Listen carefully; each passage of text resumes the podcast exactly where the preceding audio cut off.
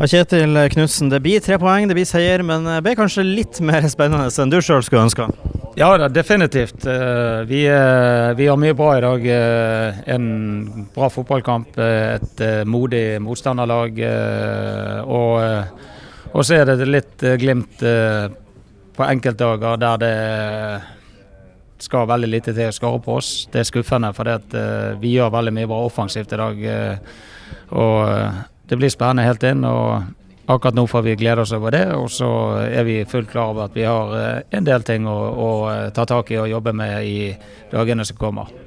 Og så Isak Amundsen for Tromsø i 2020. Eh, Lasse Nordås for Tromsø mot Bodø-Glimt. Utleid han også i 2022, var det vel. Og nå, da. Jeppe Kjær utland fra Bodø-Glimt i 2023 skåra. Når skal dere begynne å legge inn klausuler i utlånskontraktene at de ikke skal spille mot egen klubb? Nei, Godt spørsmål. Eh, vi får glede oss over at de skårer, men eh, med Nordås og Isak så var det vel det eneste laget de skåret imot, så eh, omtrent. Så eh, Uh, nei, men uh, gøy å se Jeppe på et uh, Og han er en utrolig god avslutter. Så, og han har utvikla seg fordi han får spille kamper nå. Så jeg velger mer Så jeg har blitt spurt om dette før og har gleder oss litt på deres vegne, og at de får hva skal du si både være god og skåre. Så, så vi, men vi er litt for snille i så i sånne situasjoner, det må jeg være ærlig på. Han leverer en såpass god kamp i dag at eh, det du ser på utover, nå følger dere selvfølgelig med på han ellers òg, men bare det han viser i dag, så er det jo grunnlag til å tenke at han, eh, han burde være i planene dine foran neste sesong.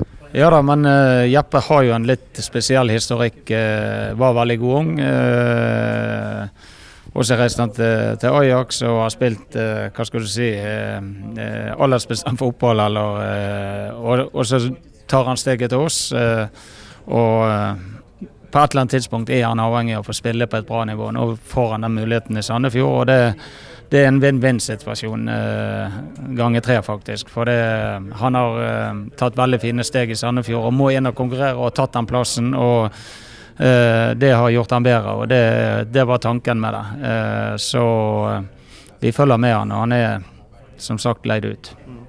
Og så er det jo når man står på sidelinja og, eh, og følger med gjennom kampen, så har man perioder hvor det er veldig artig å stå og se på, på sidelinja, og så er det jo perioder hvor det ikke er like artig. Og i de minuttene fra det 20. til det 26.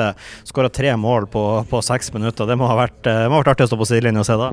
Ja da, eh, det er jo fantastisk flotte mål. Og så er jo fotball sånn at uh, vi skårer mye mål. og men det kan ikke alltid være artig gjennom 95 minutter å se på Glimt. Eh, men jeg håper vi får litt den der eh, holdningen at det er artig når eh, Glimt er god å forsvare seg. og jeg tror den holdningen må komme innifra. At det smeller i dueller. Vi står ikke en halv meter under. vi vinner ball og kan angripe. Liksom, vi må bygge den holdningen internt, og så får den spre seg til publikum. For det, det tror jeg vi trenger. Og helt til slutt, Besiktas venter på torsdag. Eh, seier i dag. Særtilliten selvtilliten er i laget med tre poeng i lomma. Og så eh, får vi håpe at vi, vi bidrar til nye gledesrus til publikummet på torsdag. Ja, det blir jo utrolig kjekt mot en uh, klubb med mange stjerner. Uh, fantastisk mange gode enkeltspillere. Og så håper jeg at uh, det er fulle tribuner, eh, det livet som vi har på europakamper og den stemningen som skal til, og, og at det blir en, eh, en, eh, en klassisk europakveld på torsdag. Det, det, hadde vært kjekt. Og det besikterslaget, hvis du går inn og studerer spillergruppen, så er det mye kvalitet. Takk for det, Kjetil. Gratulerer med tre poeng. Takk.